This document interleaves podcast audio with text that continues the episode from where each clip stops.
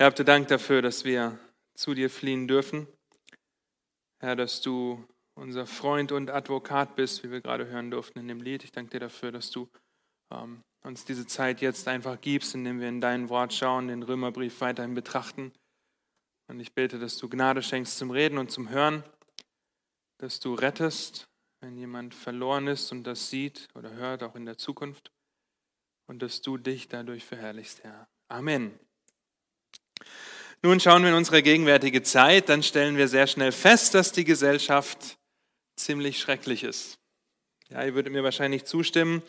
Unvorstellbare Dinge werden getan, die einfach so gerechtfertigt werden. Wir sehen, wie mehr und mehr versucht wird, dass Gott aus der Gleichung entfernt wird und das eigene Selbst gepusht. Und eine Zahl macht das besonders deutlich. Diese Zahl ist, wenn der Beamer gleich angeht, ich sage euch die Zahl, 22.818.323. Äh, Was denkt ihr, wofür diese Zahl steht?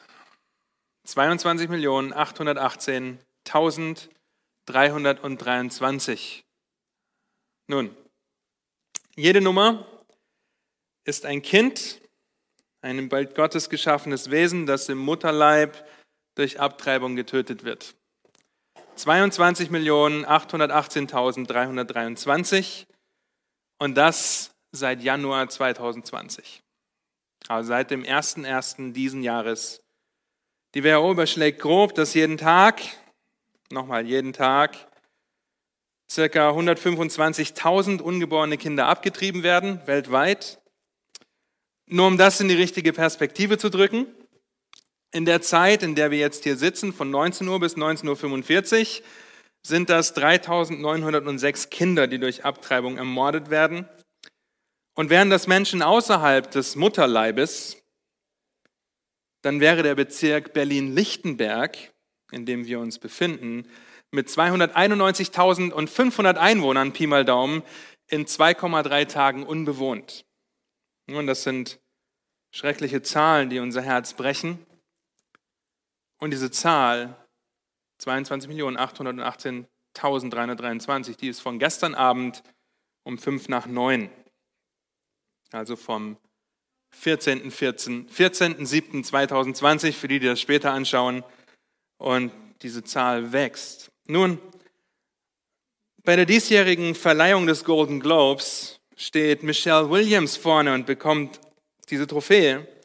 Und sie sagt voller Stolz, Zitat, das spielt da mit rein, ich habe mein Bestes gegeben, ein Leben zu führen, das ich mir selbst geschaffen habe. Nicht nur eine Reihe von Ereignissen, die mir widerfahren sind, sondern eines, bei dem ich mich zurücklehnen und zurückblicken und meine Handschrift überall erkennen konnte manchmal unordentlich und krakelig, manchmal sorgfältig und präzise, aber eines, das ich mit meiner eigenen Hand geschrieben habe. Ich wäre dazu nicht in der Lage gewesen, ohne das Recht einer Frau zu entscheiden, wann und mit wem ich meine Kinder haben möchte. Sie hat abgetrieben, um ihre Schauspielkarriere voranzutreiben. Und wenn man so etwas hört, dann kann einem nur schlecht werden. Ihr könnt die Leinwand ruhig runterlassen. Ich glaube, dann seht ihr alle besser ja, dann kann einem nur schlecht werden. Und wenn man dann noch bedenkt, dass diese Rede von 23,6 Millionen Menschen gesehen wurde, und das ist ein, äh, ein, eine, die tiefste Zahl in den letzten zehn Jahren, dann kann es einem nur eiskalt den Rücken runterlaufen. Aber warum?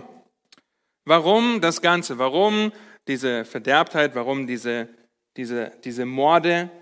Ja, um den Ganzen auf den Grund zu gehen, lasst uns Römer 1 aufschlagen. Römer 1, uns wollen heute die Verse 18 bis 32 beschäftigen, die euch und uns, wenn ihr das lest, eine Erklärung für ein so abartiges Denken abliefert. Achte darauf, ob ihr das findet. Römer 1, Abvers 18, Gottes Wort sagt, denn es wird geoffenbart Gottes Zorn vom Himmel her über alle Gottlosigkeit und Ungerechtigkeit der Menschen, welche die Wahrheit durch Ungerechtigkeit aufhalten weil das von Gott Erkennbare unter ihnen offenbar ist, da Gott es ihnen offenbar gemacht hat. Denn sein unsichtbares Wesen, nämlich seine ewige Kraft und Gottheit, wird seit Erschaffung der Welt an den Werken durch Nachdenken wahrgenommen, sodass sie keine Entschuldigung haben. Denn obgleich sie Gott erkannt haben, obgleich sie Gott erkannten, haben sie ihn doch nicht als Gott geehrt und ihm nicht gedankt, sondern sind in ihren Gedanken in nichtigen Wahn verfallen und ihr unverständiges Herz wurde verfinstert. Da sie sich für weise hielten, sind sie zu Narren geworden und haben die Herrlichkeit des unvergänglichen Gottes vertauscht mit einem Bild, das dem vergänglichen Menschen, den Vögeln und vierfüßigen und kriechenden Tieren gleicht. Vers 24. Darum hat Gott sie auch dahingegeben in die Begierden ihrer Herzen zur Unreinheit, sodass sie ihre eigenen Leiber untereinander ehren, sie, welche die Wahrheit Gottes mit der Lüge vertauschten und dem Geschöpf Ehre und Gottesdienst erwiesen, anstatt dem Schöpfer, der gelobt ist in Ewigkeit. Amen. Darum hat, Gott sie, hat sie Gott auch dahingegeben in den Ehren der Leidenschaften. Denn ihre Frauen haben den natürlichen Verkehr vertauscht mit dem widernatürlichen. Gleicherweise haben auch die Männer den natürlichen Verkehr mit der Frau verlassen und sind gegeneinander entbrannt in, ihren, in ihrer Begierde und haben Mann mit Mann Schande getrieben und den verdienten Lohn ihrer Verirrung an sich selbst empfangen.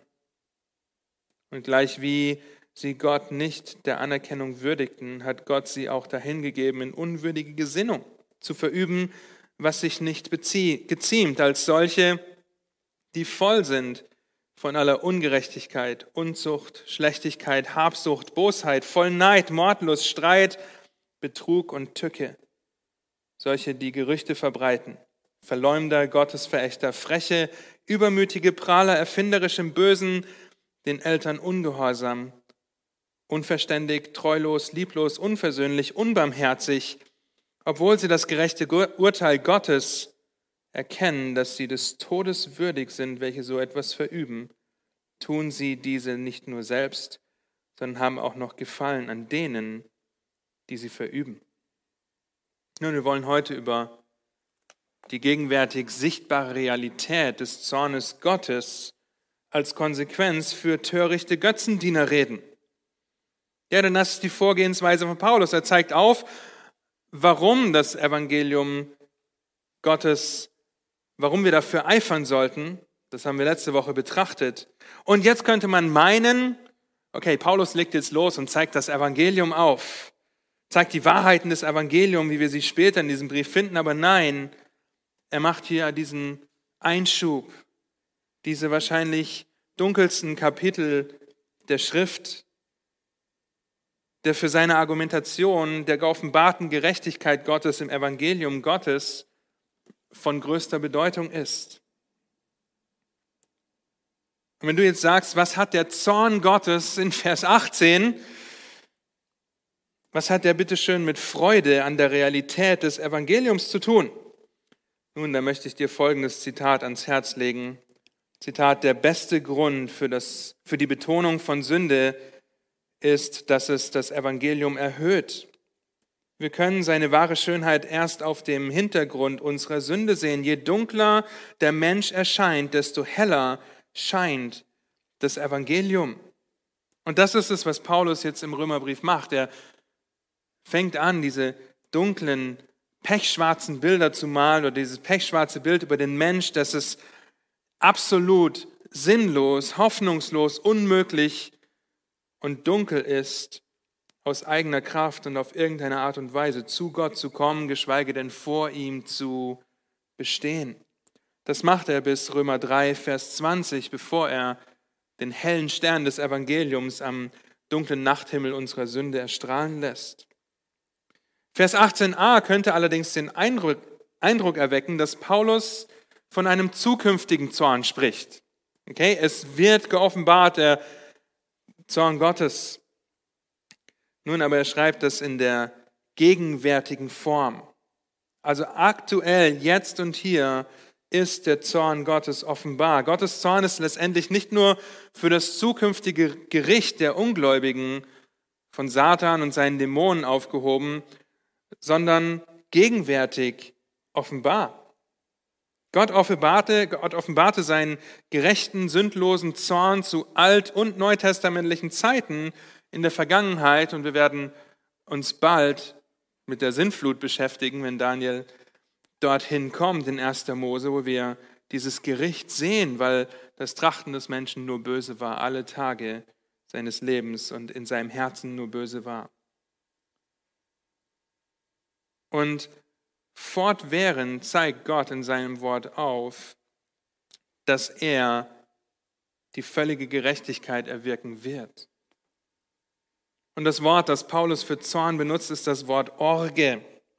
Und es bezieht sich auf einen Zorn aus Leidenschaft, aus Hingegebensein, aus dem Hingegebensein nach seiner Gerechtigkeit. Gott ist nicht nur ein bisschen verstimmt. Ja, er sagt nicht nur, ach, ja, es frustriert mich halt ein bisschen. Nein, er hat einen leidenschaftlichen, gerechten, heiligen Zorn, den er aktuell ausführt und den er in alle Ewigkeit am großen weißen Thron vollständig ausführen wird. Und heute hören wir immer wieder von Gottes Liebe für alle. Ja, und wenn du das hier hörst, was in Römer 1, Vers 18 steht, steht, dann sagst du vielleicht, ja, aber Gott ist doch ein liebender Gott. Und dann sage ich, ja, aber er ist auch ein gerechter Gott. Und ein gerechter Richter, der nicht zornig über Ungerechtigkeit ist, kein gerechter und liebender Gott mehr. Gott ist zornig und sein Zorn wird wie seine Gerechtigkeit auch offenbar. Aber warum ist Gott zornig? Was ist der Anklagepunkt des gerechten Gottes? Und wer sind die Empfänger dieses Zornes? Nun, in unserem Text sind das die Gottlosen und Ungerechten, wenn ihr das in Vers 18 seht, die Gottlosigkeit und Ungerechtigkeit der Menschen. Also im Endeffekt jeder.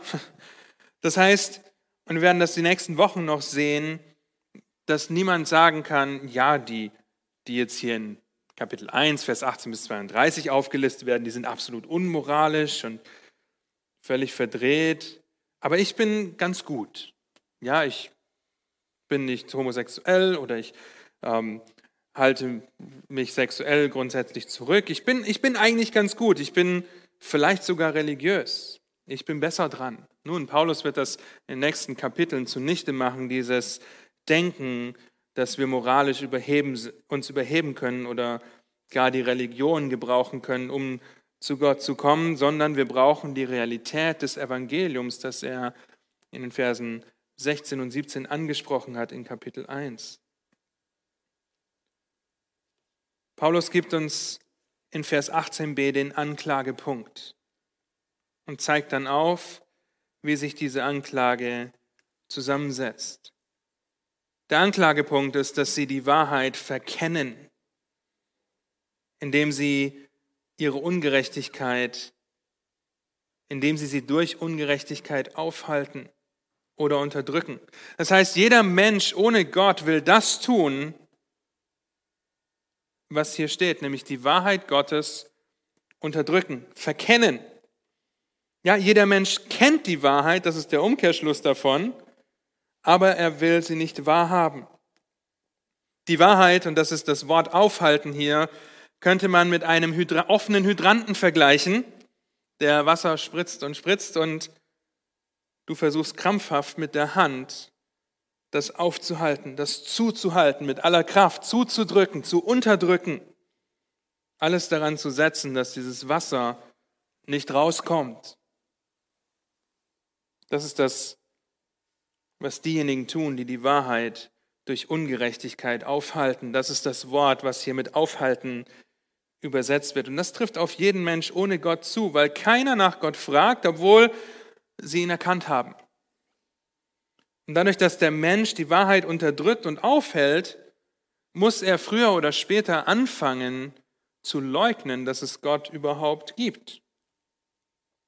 Aber wenn Gottlose und Ungerechte Gottes Wahrheit verkennen und aufhalten, dann liegt dem zugrunde, dass sie die Wahrheit erkannten. Die Wahrheit erkannt. Vers 18b, welche die Wahrheit durch Ungerechtigkeit aufhalten, bis Vers 20. Jeder kann die Wahrheit Gottes klar sehen, klar erkennen und klar wahrnehmen. Und ich habe so viele Gespräche gehabt mit Menschen bei meiner Arbeit, die gesagt haben, ja, als Kind irgendwann, da habe ich an einen Gott geglaubt. aber irgendwann dann nicht mehr, weil ich das nicht wahrhaben wollte, unterdrückt. Irgendwann habe ich sogar angefangen, mal zu beten zu Gott. Aber nachdem er mir nicht gegeben hat, was ich wollte, habe ich damit aufgehört. Und ich glaube eigentlich nicht, dass es Gott gibt, obwohl sie, wie wir in Kapitel 2 noch sehen werden, wohl wissen, dass Gott existiert.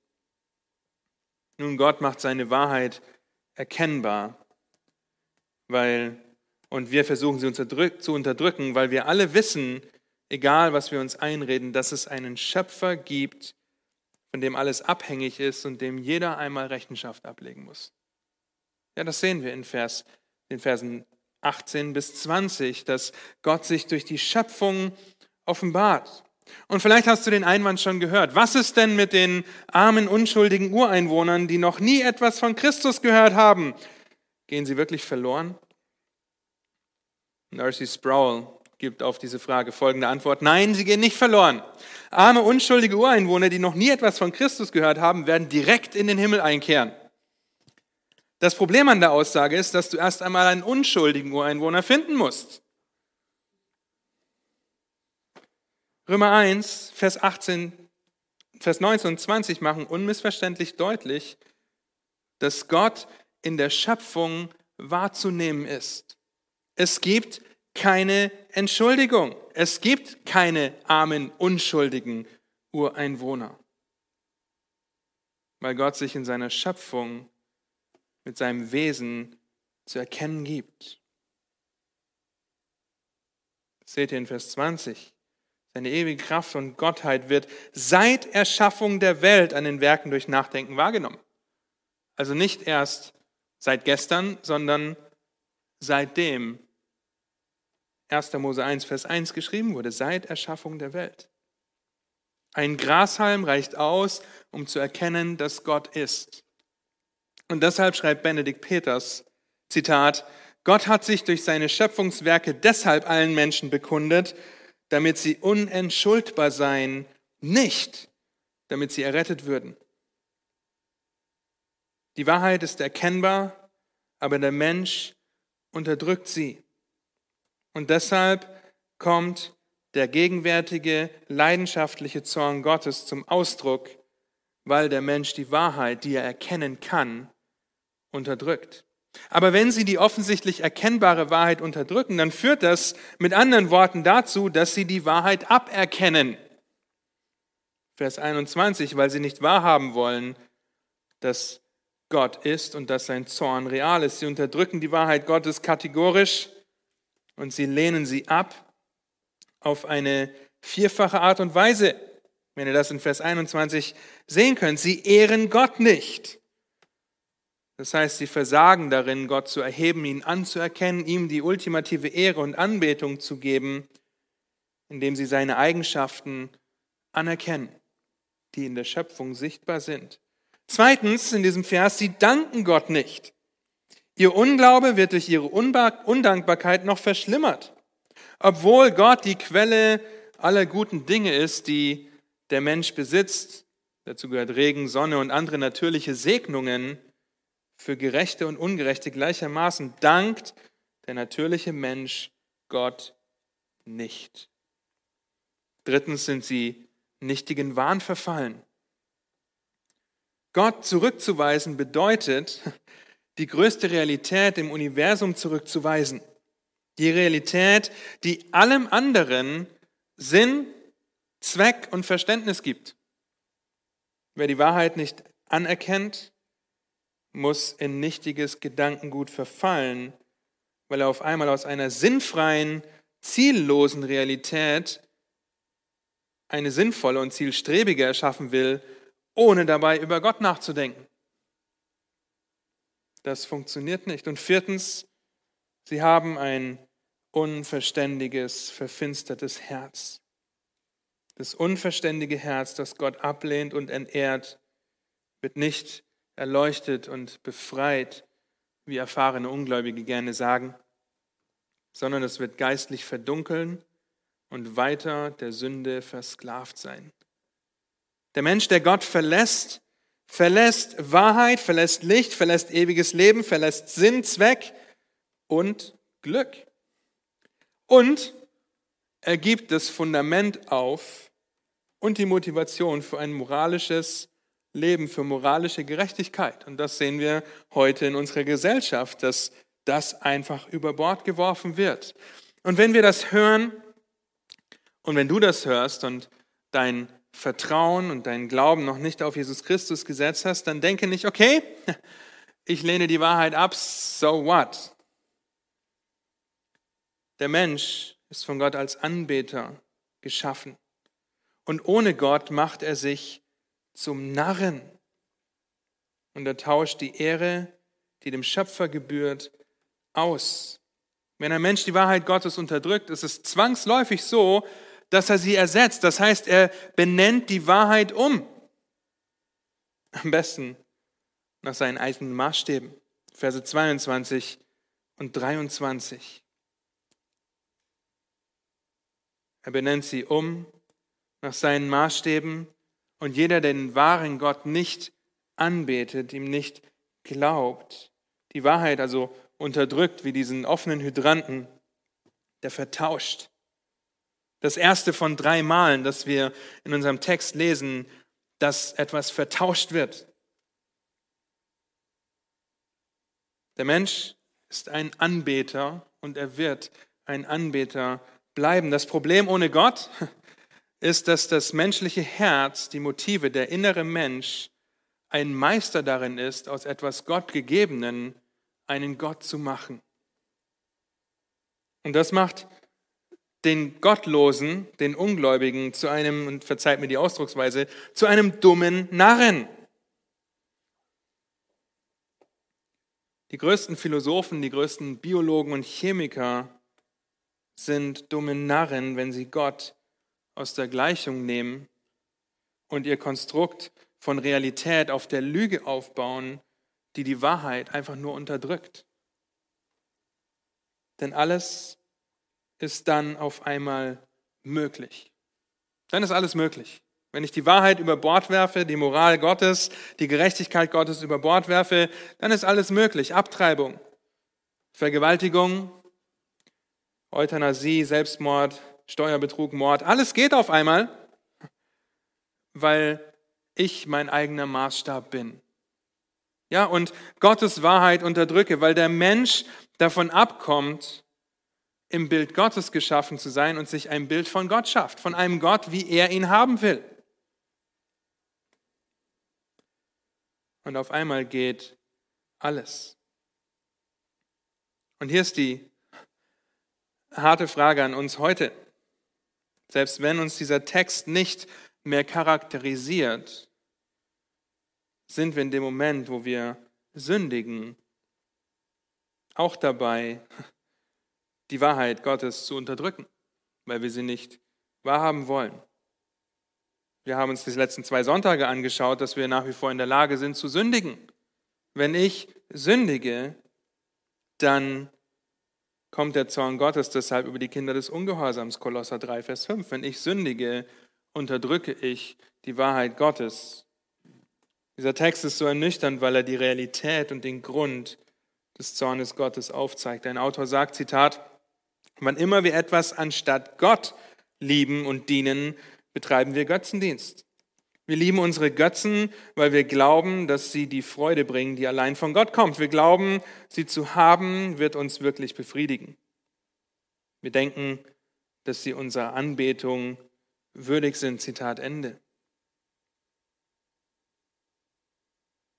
Und wenngleich uns das nicht mehr ausmacht, was hier steht, sind wir auch heute noch Meister darin, etwas Gutes zu Gott zu machen. Kolosser 3, Vers 5 und 6. Tötet daher eure Glieder, die auf Erden sind, Unzucht, Unreinheit, Leidenschaft, böse Lust und die Habsucht, die Götzendienst ist. Um dieser Dinge willen kommt der Zorn Gottes über die Söhne des Ungehorsams. Ein weiterer Brief von Paulus, der den Zorn Gottes aufzeigt, aber er zeigt ihn auf, dass er nicht mehr über uns kommt.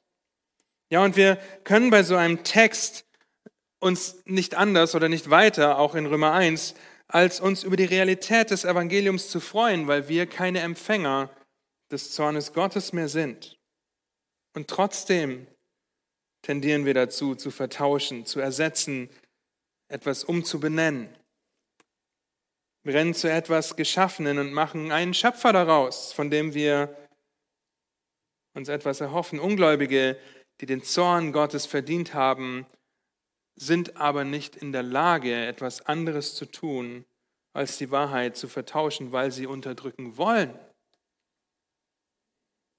Als Kinder Gottes sind wir durch den Heiligen Geist, der uns die Wahrheit überhaupt erst aufgeschlossen hat, uns die Augen geöffnet hat, in der Lage, Wahrheit zu erkennen, anzuerkennen und nicht umzubenennen, weil Gott uns überführt, weil er uns gezogen hat, gerettet hat weil er unsere Blindheit in geöffnete Augen verwandelt hat und geistlich lebendig gemacht hat.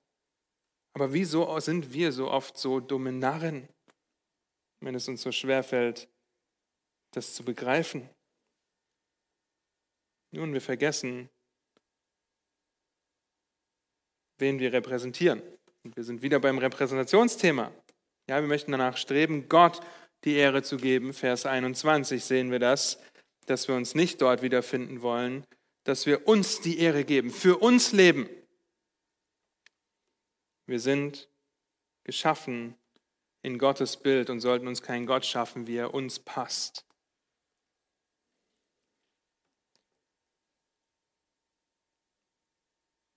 Lieben wir suchen das so oft und gleichzeitig lesen wir einen Text wie Römer 1, Vers 18 und bis 32 und denken, okay, das sind wirklich die Feinde Gottes.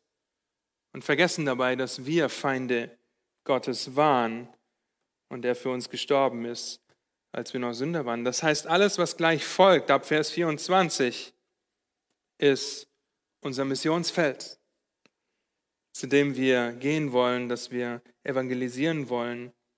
Aber die Herausforderung ist, dass wir in einer Gesellschaft leben, die einfach sagt, folge deinem Herzen oder deinem Bauchgefühl. Ja, wisst ihr, was die Bibel dazu sagt? Nicht. Tut es nicht, bitte nicht, denn das Herz ist überaus trügerisch und ist ein Meister darin, aus etwas Gutem einen Gott zu machen. Und ob du gerettet bist oder nicht, Gott ist der Einzige, der das Herz erforschen kann der überführt, indem er uns zeigt, wie wir es meinen. Und wenn der gegenwärtige Zorn Gottes real ist und wir gerade geschaut haben, warum er geoffenbart wird, die Anklage uns vor Augen gehalten haben, weil die Wahrheit verkannt wird, sie aberkannt wird, sie erkennbar ist, sie umbenannt wird, dann zeigt Paulus uns jetzt die Konsequenzen für den törichten Götzendiener auf und macht deutlich, wie Gottes Zorn sichtbar wird, ab Vers 24. Und die Frage ist, können wir uns vorstellen, wie es aussieht, wenn Gott seine gnädige, schützende Hand zurückzieht, wenn der Mensch unabhängig von Gott sein will und Gott Tür und Tor aushängt, um den törichten Götzendiener einfach freien Lauf zu lassen? Das ist die düstere Realität, der heutigen Zeit. Wir können uns das vorstellen, weil wir in dieser Zeit leben und um uns herum sehen, wie sich eine Gesellschaft ohne Gott immer weiter reinreitet. Und wenn wir darüber nachdenken, wie sich der Zorn Gottes offenbart, sehen wir in unserem Text dreimal, dass Gott sie dahingegeben hat, in eigenen Lüsten, Lügen und Leidenschaften überlässt. Und das ist die Antwort auf die Frage, warum so viel Böses, Perverses und Unmoralisches passiert, weil Gott den törichten Götzendiener seinen versklavenen Götzen überlässt. Eigentlich etwas, was wir uns für keinen Menschen wünschen. Dass wir einen Satz sagen müssen, okay, du lebst in absoluter Unmoral, Römer 1 trifft auf dich zu, darum hat Gott Punkt, Punkt, Punkt dahin gegeben. Soll uns anspornen, diesen Menschen von Gott zu erzählen. Und wisst ihr was, die Menschen, die werden immer damit fortfahren, zu vertauschen. Sie werden sich immer tiefer und tiefer in ihre Ignoranz und ihre Ablehnung der Wahrheit hineinsteigern und immer kreativer werden im Ausleben ihrer eigenen Begierden. Und wir sehen, wie törichter Götzendienst ausgelebt wird, weil sie den Begierden ihrer Herzen überlassen werden. Vers 24. Unreinheit, also sexuelle Ausschweifungen sind gegeneinander entbrannt. Warum? Sie, welche die Wahrheit mit der Lüge vertauschten. Noch einmal dieses Wort vertauschen und dem Geschöpf Ehre und Gottesdienst erwiesen anstatt dem Schöpfer. Es ist simpel. Wovon der Mund redet, davon ist das Herz voll. Und je mehr der Mensch auf seine eigenen betrügerischen Begierden hört und ihnen folgt, weil er meint, dadurch Erfüllung, Genugtuung oder Befriedigung zu finden, desto mehr wird er dieser Begierde folgen. Desto weiter wird er es treiben, umso schamloser wird er versuchen zu bekommen, was er will. Und das, was in Vers 22 steht, das trifft zu. Sie sind Narren ihrer eigenen Begierde geworden. Sie hielten sich für weise und sind zu Narren geworden, weil sie den Schöpfer mit der Schöpfung vertauscht haben. Denn Psalm 14, Vers 1 sagt, der Narr spricht in seinem Herzen, es gibt keinen Gott. Die Konsequenz davon, sie handeln verderblich und abscheulich ist ihr Tun. Da ist keiner, der Gutes tut. Er ist keiner, der Gutes tut, greift Paulus in Kapitel 3 des Römerbriefs wieder auf. Und ein Kommentator drückt es wie folgt aus. Zitat, da die Menschen sich entschieden haben, Gott aufzugeben und das Geschöpf anzubeten, konnte Gott nichts anderes tun, als die Menschen der Kontrolle der Sünde zu überlassen, die, Gott, die sie Gott vorzogen. Mit anderen Worten, Gott würde nicht den Willen des Menschen verletzen und ihn zwingen, etwas zu tun, was er nicht tun wollte. Denn die Menschen, wenn die Menschen darauf beharrten, ihrer völlig verdorbenen Natur zu folgen, ließ Gott ihnen freie Hand. Das hat das natürliche Ergebnis, dass Unmoral der übelsten Art dadurch zum Vorschein kommt. Gott gibt sie dahin.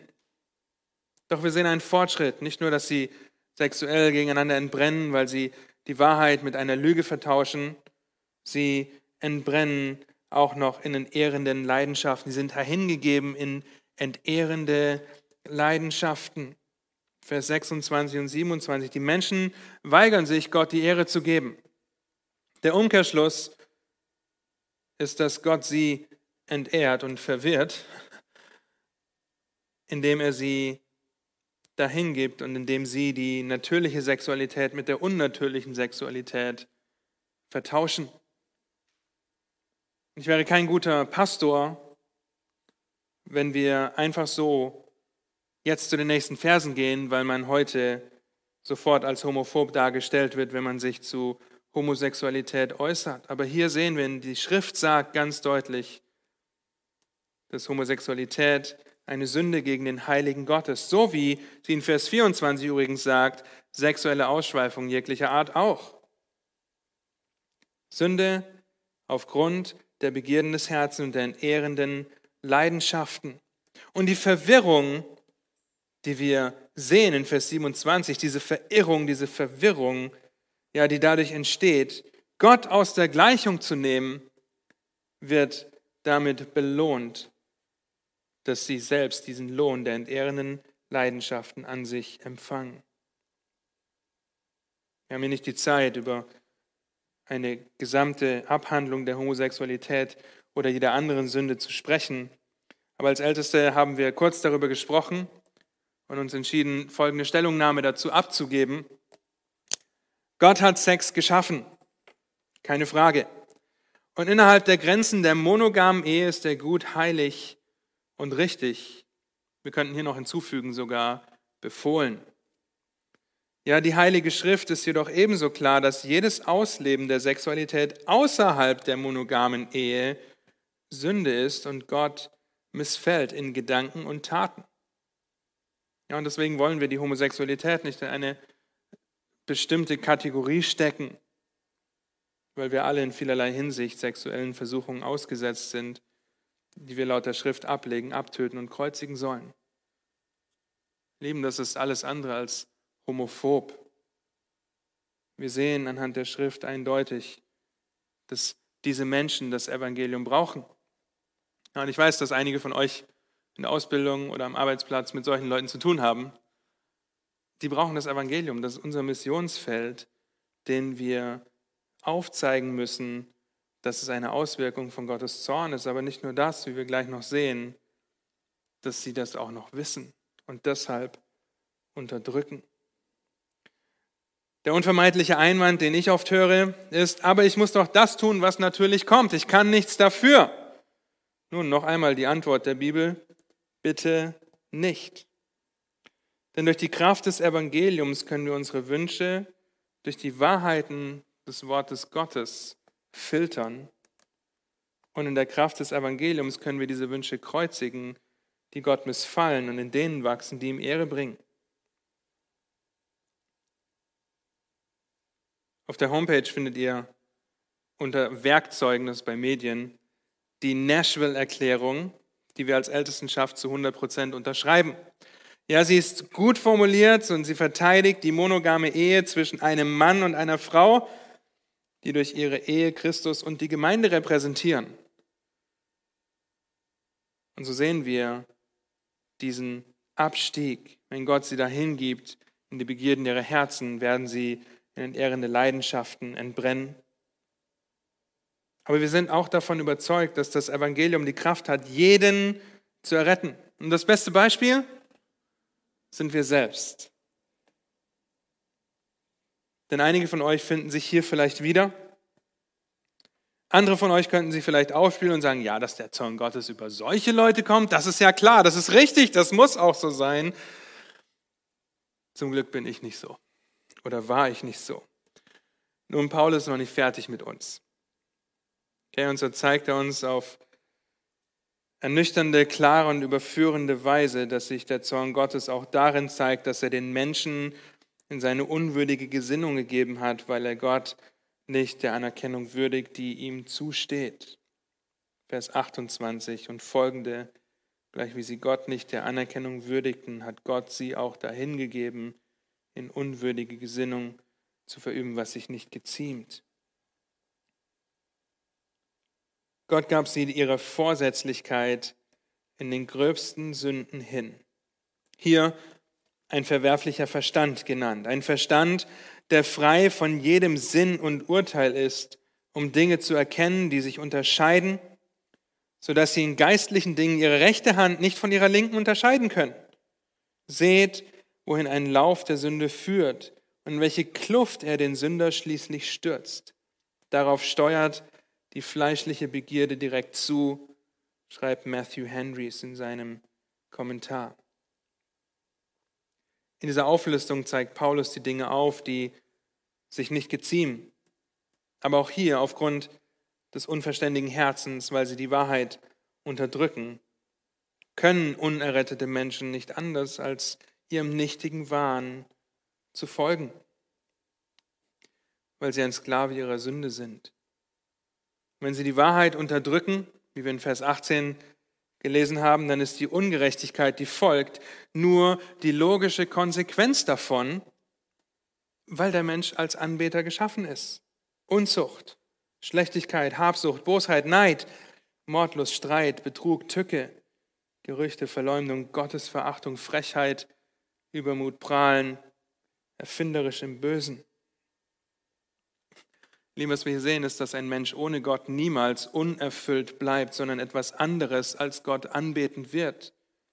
Und da Gott ein kreativer Gott ist, der dieses Universum auf eine wunderbar kreative Art und Weise geschaffen hat, wenn wir sehen, dass wir ihn in seiner Schöpfung erkennen können, dann muss das so sein. Und da der Mensch in Gottes Bild geschaffen ist, zur Kreativität fähig ist, was wir zum Beispiel sehen vor dem Sündenfall, wenn Adam die ganzen Tiere benennt, ja, dann ist die logische Konsequenz, dass der Mensch ohne Gott in seiner Kreativität nicht sehr viel mehr eingeschränkt ist, dass er sie nur anders nutzt, nicht zur Ehre Gottes, sondern vom Erschaffen von noch mehr Bösem. Deswegen schreibt er hier erfinderisch im Bösen in Vers 30. Ein Autor schreibt dazu, Zitat, wenn Sünde bedeutet, etwas mehr zu lieben als Gott, dann ist der Götzendienst das Ergebnis unserer Kreativität in Bezug auf diese verdrehte Liebe. Götzendienst ist die hochmütige Handlung, durch die wir unserer Rebellion Fantasie verleihen, um etwas zu schaffen, das Gottes Platz in unserem Leben einnehmen soll. Das zeichnet die Gottlosen aus. Sie sind kreativ darin, erfinderisch im Bösen. Aber die Liste geht weiter. Sie sind ihren Eltern ungehorsam, unverständig, treulos, lieblos, unversöhnlich, unbarmherzig. Und ihr Lieben, jeder von uns findet sich in mindestens einer dieser Punkte wieder, wenn er sein Leben vor der wunderbaren Erlösung betrachtet. Mindestens gegen eure Eltern waren ihr alle ungehorsam. Wenn ihr mir sagt, ihr wart nie ungehorsam, als ihr Kinder wart, dann glaube ich euch das nicht. Oder wenn ihr Kinder habt, dann wisst ihr das, dass sie ungehorsam sind. Und das ist ein Zeichen des geoffenbarten Zornes Gottes. Weil Kinder schon versuchen, die Wahrheit zu unterdrücken und nur für sich selbst zu leben. Weil Kinder schon versuchen, die Wahrheit zu vertauschen und unbedingt das haben zu wollen, was sie jetzt in diesem Moment wollen. Ich spreche aus zweifacher Erfahrung. Ich war Kind und ich habe Kinder. Ja, wir sehen, wie das den Zorn Gottes offenbart.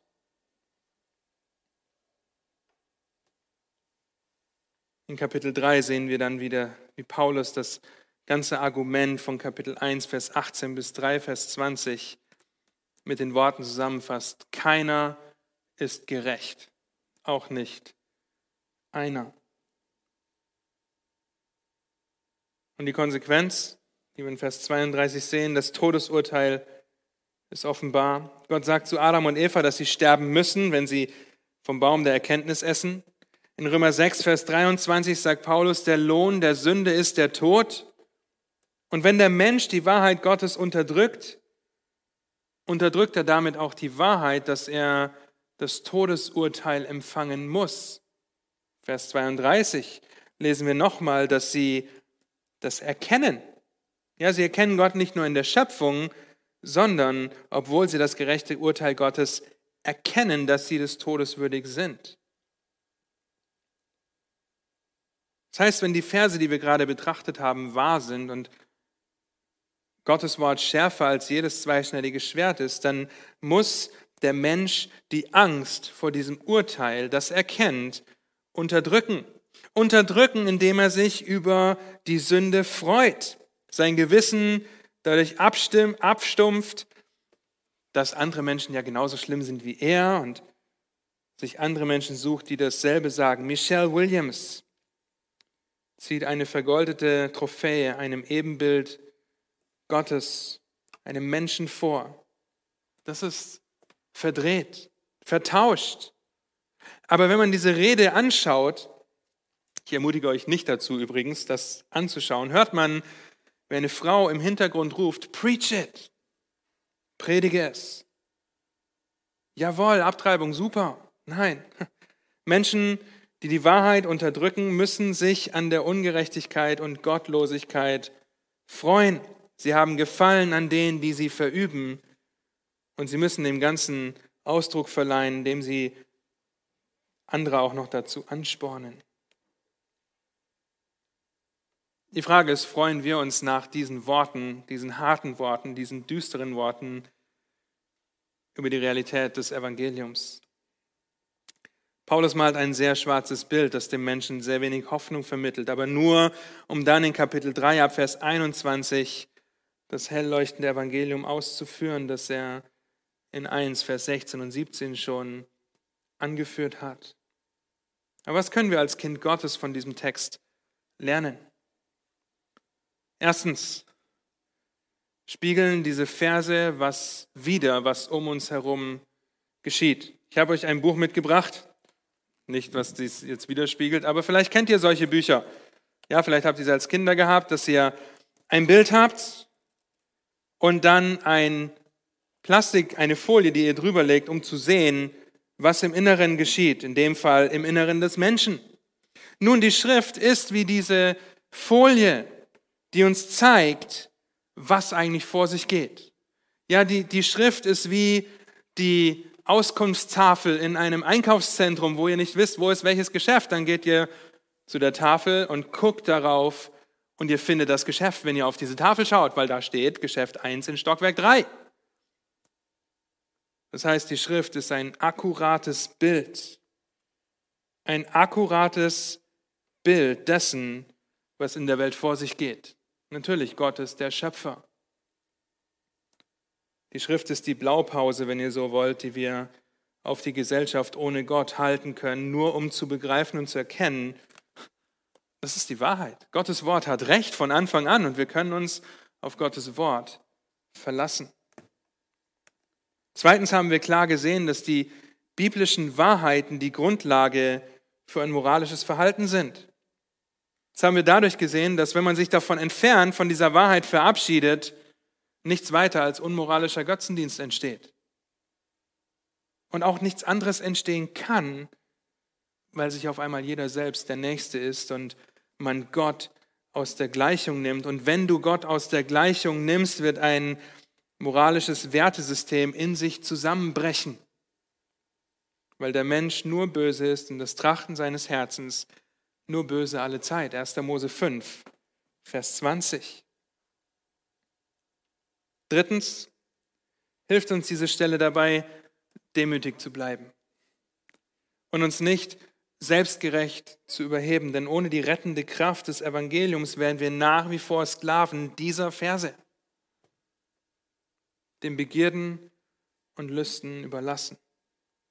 Aber mit der errettenden Kraft des Evangeliums sind wir freigekauft durch Christus, sind Sklaven der Gerechtigkeit geworden.